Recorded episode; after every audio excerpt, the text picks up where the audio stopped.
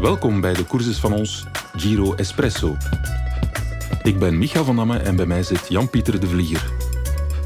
Vandaag serveren we een stevig shot Giro Actua. Andiamo.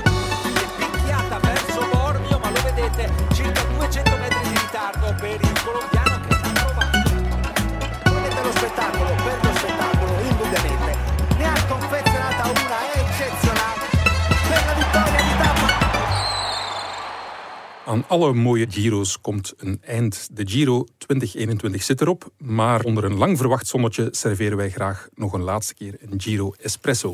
Dit is de Courses van ons, de wielenpodcast van het Nieuwsblad in samenwerking met Skoda. Er zijn al heel wat analyses gemaakt over deze Giro, maar als één man daar nog iets kan aan toevoegen, dan is het wel reporter Jan-Pieter de Vlieger. Dag Jan-Pieter. Ja, dag Micha. Blij dat je zelf eh, moet lachen om die, om die omschrijving. Nee, eh, ja, ik weet dat ik de druk bij jou leg, maar ik weet dat je daar eh, mee om kan. Hè. Ja, doorgaans. Ja, vaak Wel. bewezen al. de tefalpan noemen ze jou ook hier op de redactie.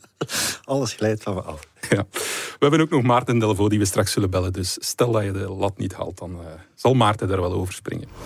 We zijn gedienstig van aard en een van de doelgroepen die we bedienen zijn de luisteraars met een hart voor de koers, maar soms iets te weinig tijd om alles te volgen. In één minuut spijker ik jullie helemaal bij sinds onze laatste espresso. Zoals Maarten had voorspeld, stapte Remco Evenepoel na zijn tuimelperten in de 18e etappe uit de Giro met kneuzingen en schaafwonden. Gelukkig geen breuken deze keer. Bram merkte op dat Alberto Bettiol in uitstekend doen was in deze Giro en de ex-winnaar van de Ronde van Vlaanderen bewees dat met een knappe zege in de langste etappe een dag later. Derde in de stand Simon Yates won nog eens een dag later op Alpe di Mera. Tweede Damiano Caruso een dag later op Alpe Motta. Telkens wist Egan Bernal met dank aan een sterke ploeg de schade te beperken. Ook in de slottijdrit hield hij stand en hij won de Giro. Voilà, zo simpel is dat. De slottijdrit werd ondanks een lekke band gewonnen door Filippo Ganna, half mens, half tijdritmachine. Bernal het roze en het wit, Sagan de puntentrui, Geoffrey Bouchard de bergtrui, Ineos Grenadiers het ploegenklassement en Belgisch kampioen Dries de Bond de tussenspurten en de superstrijdlust. Twee nevenklassementen, maar wel goed voor 12.000 euro aan premies. Voilà, we zijn bij. Tappa. Jan-Pieter, ja, een tijdrit dat lijkt saai, maar die slottijdrit, valt toch wel iets over te vertellen. hè. was wel leuk, hè? Ja, ja, ja zeker, zeker, zeker. Dat was eh, nooit, een, eh, nooit een saai moment, eh, Ja. bijna. Of enfin, toch niet vanaf wanneer ik ben beginnen kijken, wat Ja. ongeveer met de 25 renners te gaan was, Ja. denk ik. Maar het straffe is, de eerste is lek gereden, de tweede is gecrashed, Oei. de vierde zat vast achter de auto. Dus ja, het was wel... iedereen eh, iets en toch eh, allemaal hoog gefinished. Ja, het was een beetje de, de kreupele paarden die eh, Ja, voor de zege streden.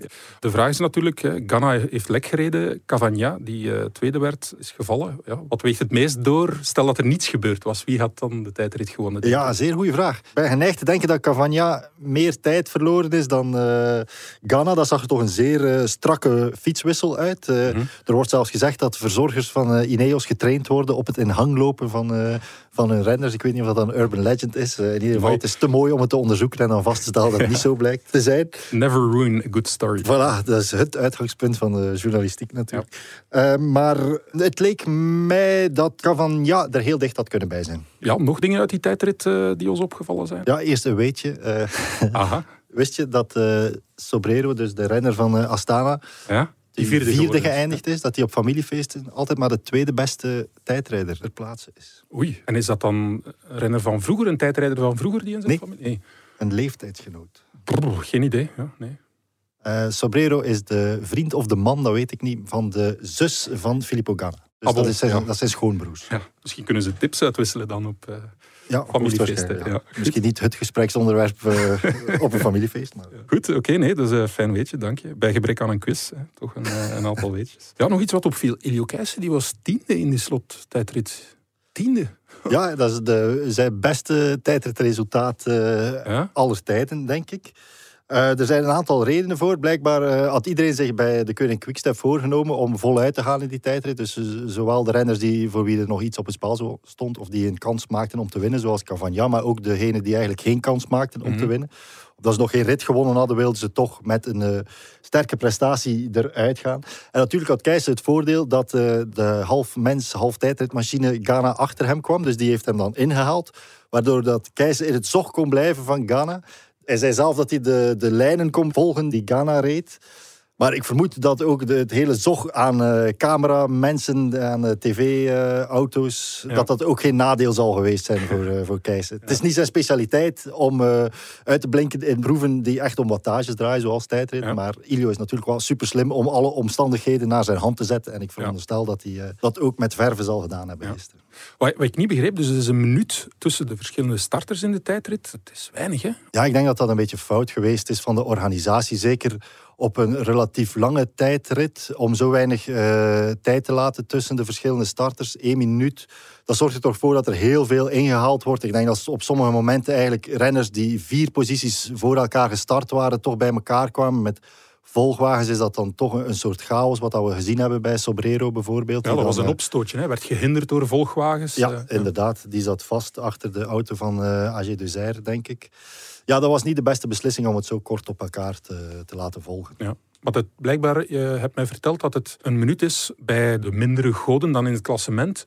En dat het dan... Ik, ik denk dat het inderdaad zo is. Volgens mij is ja. dat niet in steen gebeiteld van ja. het moet zo. Er is geen vast uh, protocol daarvoor. Mogen organisatoren dat zelf bepalen. Uh, misschien voor tv-uitzendingen of zo, dat er gevraagd wordt om snel naar elkaar te starten. Dat kan ik me wel voorstellen. Maar uh, het gebeurt ook wel dat, de, dat er meer tijd zit tussen klassementsrenners of favorieten dan tussen degenen die niet meer in aanmerking komen ja. voor het klassement. Want ja, je zou het niet willen meemaken, zoals in de Tour, hè, waar de tijdrit dan echt beslissend is, dat daar kandidaat-winnaar voor de eindwinst vast komt te zitten achter een auto. Of uh, ja, inderdaad. Ilo gewijze uh, ja, de, de, de bochten kan volgen van zijn, zijn vorige... Allee, dat, dat, nee, nee, nee, dat, zou nee, niet, dat, niet, uh, dat kan natuurlijk niet. Ja. Zeg, en de slotweek, wat vond je daarvan? Ja, wordt altijd gezegd de slotweek, daarin gebeurt het in de Giro, maar ja, uiteindelijk de man die als leider aan de slotweek begon, heeft ook de Giro gewonnen. Dus de... Ja, zeer atypisch. Het fenomeen van die slotweek, dat komt natuurlijk wel ergens vandaan. De Giro maakt die reputatie vaak waar. Mm -hmm. Als je een beetje teruggaat in de tijd, in 2016 was Kruiswijk een beetje op weg om de Giro te winnen. Die crasht, die valt uit. Esteban Chavez, die zeer goed bezig was, die valt ook volledig weg in die slotweek. 2017 redt Dumoulin uh, ternauwernood zijn overwinning in de Giro in die, in die slotweek. Uh, in de klimmen dan, want uh, in de tijdrit deed hij natuurlijk wel zeer goed. Uh, in 2018 zakt Yates er volledig door. Daar hadden we allemaal al van geschreven, dat hij, en lang en breed geschreven, dat hij zeker, zeker zou, de Giro zou winnen. In 2019 komt er ook liedje tegen. Dus het is wel iets dat heel vaak gebeurt. En dit jaar leek het op een bepaald moment ook weer alsof Bernal zou kraken. Maar dat heeft hij inderdaad heel, heel slim en heel economisch gereden. En ja, meer dan de meubelen gered. Het is nooit echt een strijd geweest op leven en dood voor hem. Nee. Dus eigenlijk des te knapper van Bernal, want hij heeft een heel offensieve eerste deel van de Giro gereden. Nadien was het uh, meer verdedigen, meer stand houden. Hij heeft ook uh, ja, een minuut moeten prijsgeven op Yates. Dan uh, zaterdag op Caruso enfin, vrij goed stand gehouden. Allee, heel knap toch van Bernal dat hij, dat hij daarin geslaagd is om, om die druk te weerstaan. Want het is niet dat er niets gebeurd is. Hè. Yates heeft geprobeerd. Uh, Bernal heeft een minuut uh, prijsgegeven dan, maar niet helemaal gekraakt. En ook Caruso in het slotweekend op zaterdag ook geprobeerd. Een, een soort van putsch, maar uh, goed weerstaan. Dus ja, toch knap hè? Ja, hij heeft uh, intelligentie getoond, denk ik, door er niet te impulsief op te reageren. Misschien eerst nog wel in uh, de etappe van woensdag naar Se Sega Diala. Mm. Waar, je, waar je zag dat hij echt probeerde om, uh, om Yates te volgen en daar, daarin tekort kwam. Ehm, maar de dagen nadien heeft hij echt zijn inspanningen heel goed gemanaged en zeer slim gebruik gemaakt van zijn, van zijn ploeg. Waar ja. dat hij met Castroviejo en Martinez twee, twee super luitenanten had, ook natuurlijk. Ja. Er wordt vaak gezegd in. Bij, bij Yates, toen Yates in uh, 2018 die terugval kreeg in de derde week, ja, hij heeft te veel gewoekerd met zijn krachten uh, in de eerste week, maar daar kan je altijd twee richtingen mee uit. Ik denk ook, nu Bernal heeft er eigenlijk goed aan gedaan door zo offensief te koersen die twee weken. Ja. En het idee is toch een beetje pakken wat je kan, wanneer ja. je het kan. Ik denk dat dat hem wel meegeholpen heeft aan de overwinning in, ja. de, in de Giro. Want achteraf, als hij er uh, doorgezakt was, ja, dan gingen de analyses klaarstaan van hij heeft te veel gewoekerd met zijn kracht. Ja, nu natuurlijk. zeggen we, hij heeft net daar de basis gelegd voor zijn overwinning. Ja, ja, ja, wij leggen het altijd achteraf uit. En het klopt altijd makkelijk. in de twee, in de twee richtingen. Ja. En Dani Martinez zijn eigenlijk de man die eh, ook op die aanval van, van Caruso hem heel goed geholpen heeft. Eigenlijk zijn de, de laatste man die hem bijstond. Ja, die wordt zelf ook nog vijfde in het eindklassement. Dat is straf, hè?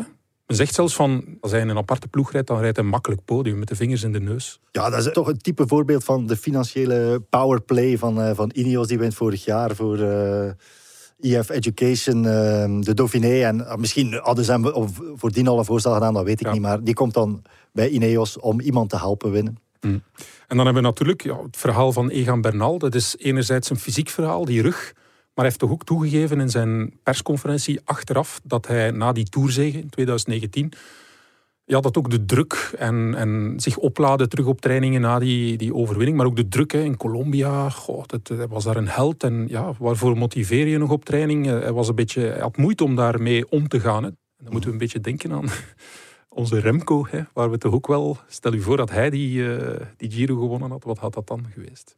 Ja, inderdaad. Ik weet niet in hoeverre die parallel te trekken is of te maken is. Maar als je ziet wat er in ons land allemaal beweegt rond Evenepoel en hoe moeilijk het moest zijn voor hem om daar mentaal evenwichtig mee, mee om te gaan, dan kan je wel voorstellen. Colombia is ook een wielernatie die, eh, waar wielrennen enorm, enorm, enorm veel betekent.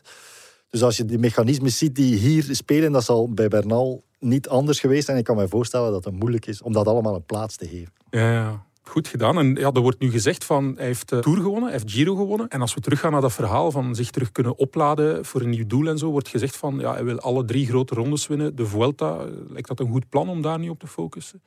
Ik was er wel een beetje van geschrokken, eerlijk gezegd. Want hij, hij maakt er inderdaad een doel van om de drie grote rondes te winnen. Maar het, leek alsof dat, dat dan voor hem einde verhaal is. Dat hij dan Ja. eh, zich terugtrekt op de boerderij met, eh, wat was het, één koe en eh, één hond en zeven schapen of zoiets. Ja.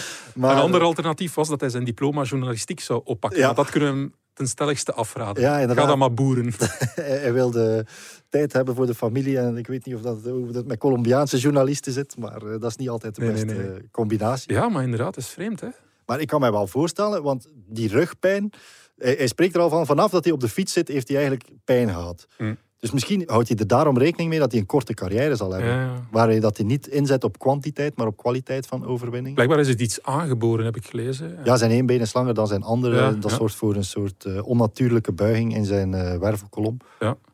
Dus eh, eigenlijk is hij niet zo geschikt voor wielrennen. Ja, compleet ongeschikt. Maar goed, eerst die Vuelta nog winnen Ja. en dan kan hij er misschien mee stoppen. Peter Sagan die heeft de puntentrui gewonnen. Enfin, we mogen niet puntentrui zeggen, hè. we moeten de Chiclamino-trui zeggen. Hè. Het bloemetje, ja, het is een bloemetje inderdaad, die de kleur heeft van die trui. Eh, de cyclaam in het Nederlands. En ik heb eh, daarnet even gegoogeld en eh, blijkbaar werd die bloem een, een geneeskrachtige werking Oké. toegedicht. Ja. Ja. En het werd gebruikt als laxeermiddel vroeger. Wauw. ja. Ik weet niet hoeveel weetjes onze podcast kan verdragen, maar ik luister daarnet naar de, Cycling Podcast. Ja. En eh, daar hadden ze het over de etymologie van het woord baroudeur. Enig idee wat, eh, waar dat vandaan komt? Ik, eh, ja, je brengt mij in verlegenheid. Is dat het nee, maar- wraak voor de quiz voorbije ja, uiteraard. Eh, nee, ik, sorry. Ba Baroudé, ja, de weg Baroudé. Nee, ja. Nee, het uh, baroud is een, een buskruid blijkbaar. En in de Frans-Arabische oorlogen waren degenen die voorop gingen in de strijd, die gebruikten baroud als buskruid. En dat waren baroudeurs. En dat is zo tot in het wielrennen Ah. terecht te komen. ja, goed. Ik veronderstel dat we dit er ook kunnen uitknippen of niet. Nee, nee, nee, we gaan hem behouden. eh, Bij gebrek aan een quiz. Nee, maar dus eh, Peter Sagan, die won de Chiclamino-trui. Het heeft hem natuurlijk wel wat geld gekost. In de 18e etappe kreeg hij een boete van 1000 Zwitser franken. Dat is 910 euro.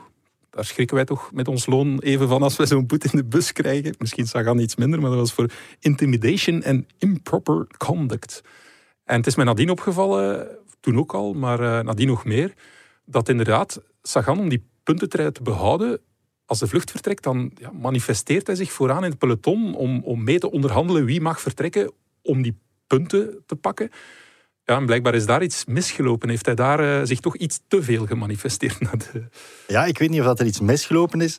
Dat is gewoon een beetje de, de hangbare praktijk in het peloton. Ja? Als er een vlucht weg is en er is al heel lang strijd voor die vlucht. Ik laat mij vertellen door Ilio Keijsen dat er op dat moment echt al twee uur heel hard aan meer dan 50 per uur gekoerst dat is is, dat die vlucht maar niet wegraakte. Mhm. En dat Sagan het ook wel een beetje op zijn heupen kreeg van... eh, ja, het peloton mag tot rust komen. Ja. Er was een groep die wegging die zeer gunstig was voor Sagan. Chimolai zat er niet in, Gaviria zat er niet in. Zijn eerste twee achtervolgers in het puntenklassement. Dus voor hem was dat een heel gunstige Ja. situatie.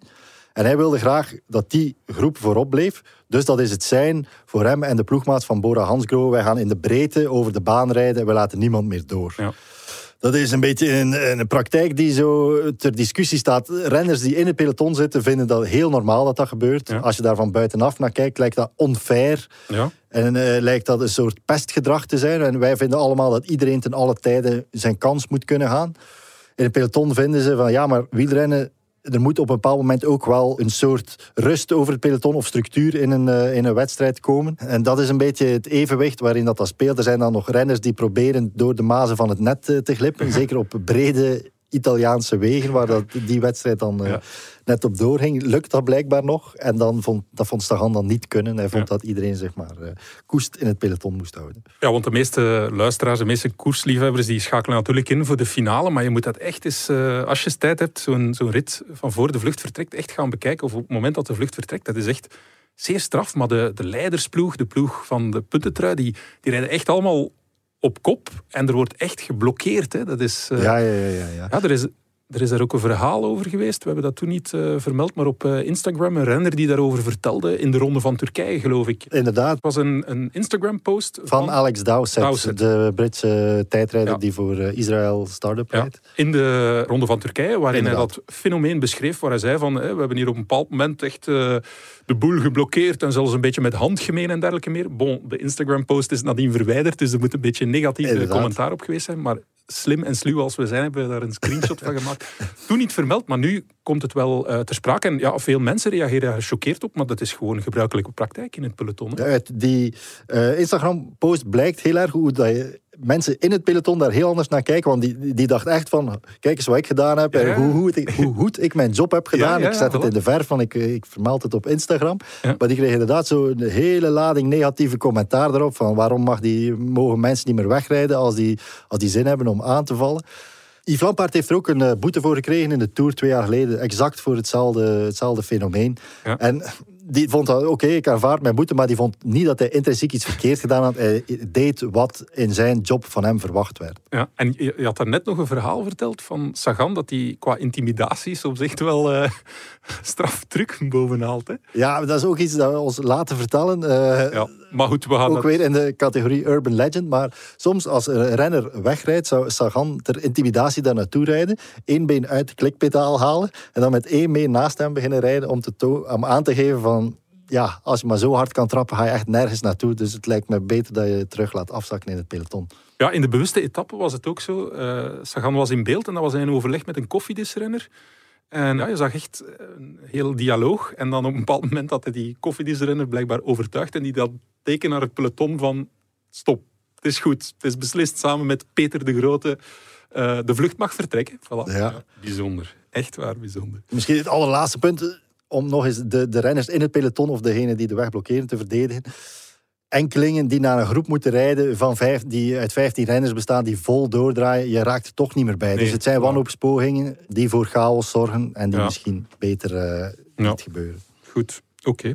Zeg, En dan de tweede instand. Ik denk een van de zaken waar je misschien het meest geld mee kon verdienen als eh, gokker eh, was Damiano Caruso, de 33-jarige renner van Bahrein Victorious, die als tweede geëindigd is. Ja, in de nadagen van zijn carrière. Normaal gezien was hij knecht voor Mikel Landa. Landa viel. Ja, hij werd dan als speerpunt uitgespeeld. Ja, dan gaat hij naar die tweede plaats, wint ook nog een etappe, zet zelfs Bernal nog onder druk. Ja, wat een, wat een verhaal, jong. Ja, inderdaad. En ik heb de indruk dat in Italië ook echt leefde dat verhaal van de, de Gregario, die zijn, die zijn eigen kans... eh, Gregario, dat is ja, dat is knecht in het, eh, het Italiaan, de Italiaanse term voor knecht. prachtig woord? Gregario. Ja, inderdaad, Ja, inderdaad. ja, fijn, ja. Maar eh, Ja, het Car- leefde echt in, eh, in Italië. Hij speelde zijn rol ook met verve, moet je zeggen. Want als uh, Pelle Bilbao dan voor hem gewerkt had, gaf hij hem een schouderklopje. En dat was dan de, de knecht die kopman werd, maar niet zijn roots als knecht niet vergat. En toch eh, zijn ploegmaats Ja. heel hard bedankte voor het geleverde werk. Nee, Ja. het was eh, knap gedaan. Eh, Caruso, ja, wat valt daar nog over te vertellen? Aangezien dat hij altijd in de schaduw eh, gereden heeft, heeft de Italiaanse pers ons nu met uh, weetjes over Caruso gebombardeerd. Oh nee, weer een beetje. Ik vrees van wel, ja. ja. Oké. Ja? Een van de dingen die hij er uitsprak, en eigenlijk uh, hoor je het niet met de glimlach te vertellen. Zijn vader was uh, politieagent en de maffia zou ooit een prijs op zijn hoofd gezet hebben van 1.200.000 lieren, Italiaanse lieren. Ja. In 1992 was dat. Ja, en hoeveel is dat ongeveer? Wel, ik heb het eens opgezocht ja. en volgens mij is dat 600 euro. Wat toch... 600 euro? Ja, een zeer beperkt bedrag is. Ik weet niet wat er hangbaar is binnen de Italiaanse maffia, maar ja. ik vond het... Ofwel was het niet zo'n opmerkelijke figuur binnen de politie, ofwel ja, zijn het echt inderdaad heel lage bedragen uh, die ja. gegeven worden.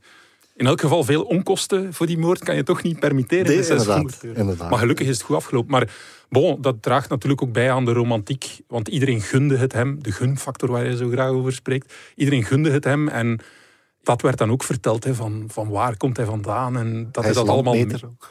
Landmeter, ja, ja oké. Okay. Dus, uh, ja, enfin, hij is profielrenner, maar ooit uh, was hij landmeter. Ja, dus dat heeft er allemaal toe bijgedragen. En, en die Caruso werd tweede. Was ook blij, hè, want je hebt soms tweede plaatsen waar iemand teleurgesteld is en zo. Maar bij hem was dat een overwinning, hè, die tweede plaats. Dus ja, ja, ja. Dat is wel mooi hè, als iedereen een beetje op Zeker zijn ook omdat er zaterdag dan zo'n fantastische ritzege nog bij kwam. Dan, ja. Dat, dat nam wel een beetje de, het, het gevoel van uh, onvoldaanheid weg, denk ik. Omdat hij niet echt dicht kwam in het klassement. Nooit iets dat speelbaar was in de tijdrit. Maar in die euforie van die ritzegen was dat dan eigenlijk maar een voetnoot. Goed, we gaan eens horen uh, hoe ver Maarten Delvaux intussen opgeschoten is met zijn terugreis naar België. Of wacht, ik zie hier op het bericht dat hij intussen thuis toegekomen is. Bon, hij is al in België. Amai, stevige rit, uh, goed gereden onderweg van Italië.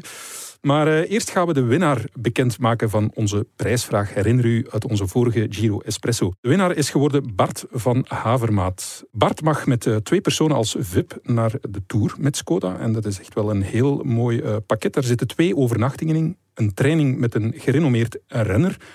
Een helikoptervlucht boven het peloton als het weer mee wil. En een plaatsje op de VIP-tribune aan de aankomst van de negende etappe in Tienje. Heel mooi dus. Deze podcast werd mee mogelijk gemaakt door Skoda. Sinds 2004 is Skoda partner van de Ronde van Frankrijk. In 2021 treedt Skoda op als officiële wagenpartner van het wereldkampioenschap wegwielrennen in België. Vier volledig elektrische Enyaq iV zullen gedurende de wedstrijden ter beschikking staan van het UCI. De organisatoren zelf kunnen rekenen op 30 hybride Superb Octavia IV-wagens. Geen koers zonder Skoda. Skoda. Simply clever. En nu gaan we bellen naar Maarten.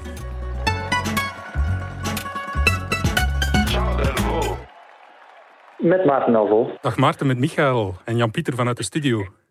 Aha, dag Michael, uh, dag Jan-Pieter. Hey, Hallo. Dag, Maarten. Ik uh, heb vernomen dat jij al in het zonovergoten België toegekomen bent. Ja, ik heb uh, vijf minuten geleden mijn auto hier uh, geparkeerd in Oostmaal op de oprit. Eindelijk thuis, na 28 dagen Italië. Ja, en een lange rit gehad dan? We hebben uh, overnacht in Mulhouse en dan zijn we zo doorgereden. Dus ongeveer een kleine 12 uur rijden vanuit Milaan. Stevig toch, ja. En nu? Terug bij het gezinnetje thuis? Ja, ze de kinderen gaan halen. En die zijn hopelijk blij om hun vader terug te zien. Dat uh, valt nog af te wachten, we zullen zien. Ja, heb je een cadeautje mee? Ik heb uh, gelukkig instructies gegeven aan mijn vrouw om hier thuis cadeautjes te kopen. En deze kan ik straks doen alsof ik die bij had vanuit Italië. Dus uh, een gou gouden tip. Ja. Ik ga die aanpak kopiëren in de Tour. Ja, voilà.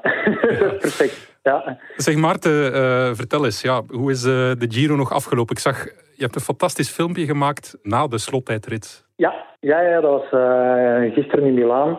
Met veel trials en errors heb ik nu stilaan op ongeveer de tactiek gevonden waar ik mij moet positioneren aan de aankomst. En ik had mij dus een 30, 40 meter voor mevrouw Bernal gezet. Alle andere cameraploegen stonden bij mevrouw Bernal. Maar de ervaring leert mij dat uh, toch altijd de vrouw nog een stukje naar voren loopt. Ja. Dus ik stond eigenlijk op exact het moment waar Bernal van zijn fiets stapte en in de armen viel van uh, zijn Colombiaanse schone. Dus dat ik perfect in beeld was, echt letterlijk op een halve meter van mijn neus recht voor mij. En dus het was een, was een mooi filmpje, maar ik, misschien hoor je nog wel de kreun van mij uh, die je hoort wanneer er zo'n 50 verschillende cameraploegen in mijn nek vallen. Uh, omdat die allemaal toegelopen kwamen. Dus uh, het was ellebogen zetten en camera's op mijn hoofd krijgen en mijn schouders en zo. Maar ik hoop dat het het waard is geweest. Ja, ik vond het wel. Het was een uh, innige kus. En dat is eigenlijk een understatement. Ik had zo direct het gevoel van, ja, boek een kamer, jongens. Uh, doe dat hier niet voor de camera's. Het was uh, stevig, hè, die kus? Ja, ja de, de laatste keer dat ik, dat ik zelf zo gemeld heb, was op mijn achttiende ergens in Lorette Mar om vier uur s'nachts met een, met een gezette Britse dame na enkele vodka orange te veel. maar het was, het was mooi, zullen we het zo noemen. Ja, ja. Iedereen heeft een verleden, in Maarten. Ja. Ja, voilà. Kijk, misschien had ik dat niet moeten bovenhalen, maar het te laat. Een terecht en mooie winnaar, Bernal? Ja, dat denk ik wel. Ik denk dat daar geen discussie over bestaat. Ik denk dat Bernal de meest attractieve renner was van de eerste twee weken. En in de laatste week heeft hij het perfect gecontroleerd, nooit gepanikeerd. Weer een sterke ploeg. Ja, ik denk een hele mooie winnaar. Ook het verhaal van de toerwinnaar die, die een beetje in een diep geraakt en vorig jaar langs de achterdeur uit de Tour verdwijnt en dan nu terug in de Giro zichzelf terugvindt. Ik denk dat dat een perfect verhaal is. Heel mooi verhaal, mooie winnaar. Maar ja, we hadden het ook over Remco kunnen hebben eh, achteraf bekeken. Het is niet, uh, het is niet mogen zijn. Het is niet mogen zijn. Uh, achteraf hebben we ons allemaal een beetje erop alleen, verkeken, misschien niet. Zelf had hij ook heel veel ambitie. Die heeft hij ook altijd uitgesproken. En ik vind dat dat moet kunnen. Uh, ik heb liever iemand die te ambitieus is dan te weinig ambitieus en te voorzichtig.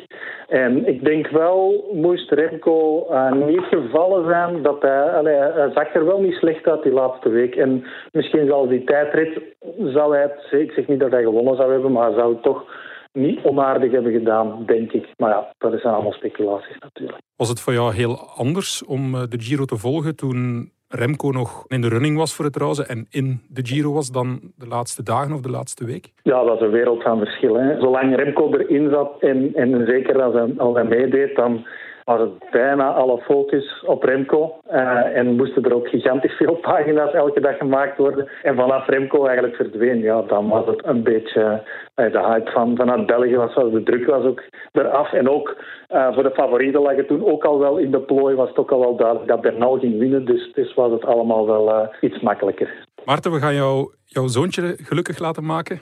Op naar de schoolpoort. Ja, komt, uh, komt in orde, dankjewel. Oké, okay. bye bye en dankjewel hè. Uh, met veel plezier en heel veel succes dan. Dag. Bye. Yo, dag. Per la vittoria di Ja, Jan-Pieter, hoe kijk jij terug op de Giro van Remco? Zeer sterke eh, eerste twee weken, dat zal niemand verbazen. Ja. Maar ik hoorde Brian Nigard, de voormalige teammanager van Leopard, het, trek, het latere Trek-team, zeggen dat het een gigantische fout was eh, van Quickstep om hem zo voor de leeuwen te gooien in de Giro. En ik denk dat ze die evaluatie nu ook wel aan het maken zijn. Was het een goed idee om zonder competitie meteen eh, naar de Giro te gaan?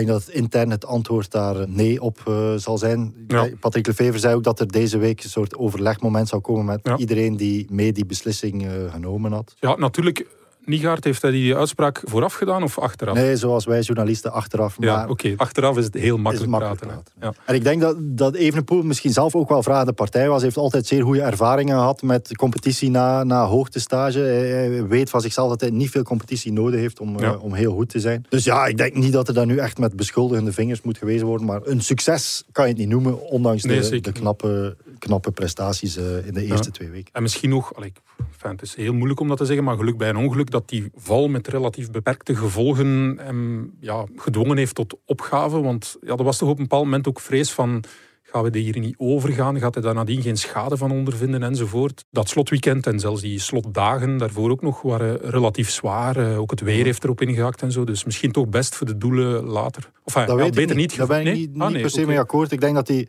dat is toch hetgeen dat we hoorden van iedereen in de Giro, dat die fysiek echt niet, niet uh, naar beneden ging of zo. Dat zijn ja. waarden heel goed bleven. Ja, Zelfs ja. in die etappe waar dat die crashte. Zoals dat je zelf zei, ik had het wel graag gezien mocht hij die laatste tijdrit nog uh, gereden. En ik, denk, ik geloof echt dat dat zo'n positieve noot had kunnen zijn waarmee dat hij de, de Giro verliet. Ik denk niet dat de les is van drie weken uh, dat dat lastig is voor hem. Nee. Oké, goed. Nee, we kijken uit naar uh, Remco, het vervolg van het seizoen, want uh, uiteraard met de Olympische Spelen staat nog heel wat uh, op het programma. Voilà, ik vrees dat het, of ik denk dat het zover is. We bergen de Giro echt op in een kartonnen doos die een jaar op zolder gaat. Maar u weet het, bij ons neemt de treurnis zelden de overhand op onze dankbaarheid. Jan-Pieter, bedankt voor deze laatste Giro Espresso. Ja, graag gedaan. Ik laat het zo'n beetje zwaar klinken. Hè? Dat is Ja, eh, altijd goed. Hè? Ik stap eh, niet mee in die sfeer. Ik wil ook zeker van de gelegenheid gebruik maken om onze reporter Bram van de Capelle te bedanken. Hij heeft er ook heel vaak gestaan. Maarten Delvaux natuurlijk, onze man ter plekke die Milaan heeft gehaald. Skoda uiteraard voor het sponsoren van onze podcast voor de geweldige prijs. Het bouwen van geweldige auto's en hun passie voor de wielersport. Dank aan het Nieuwsblad, de krant van de koers en onze werkgever. Dank aan House of Media die ons goed laat klinken. En vooral natuurlijk dank aan jullie luisteraars. Blijf ons volgen, want het koersseizoen is nog maar halfweg en we hebben nog heel wat podcastplannen. Onder andere in de Tour en naar de aanloop van de Tour. Tot binnenkort.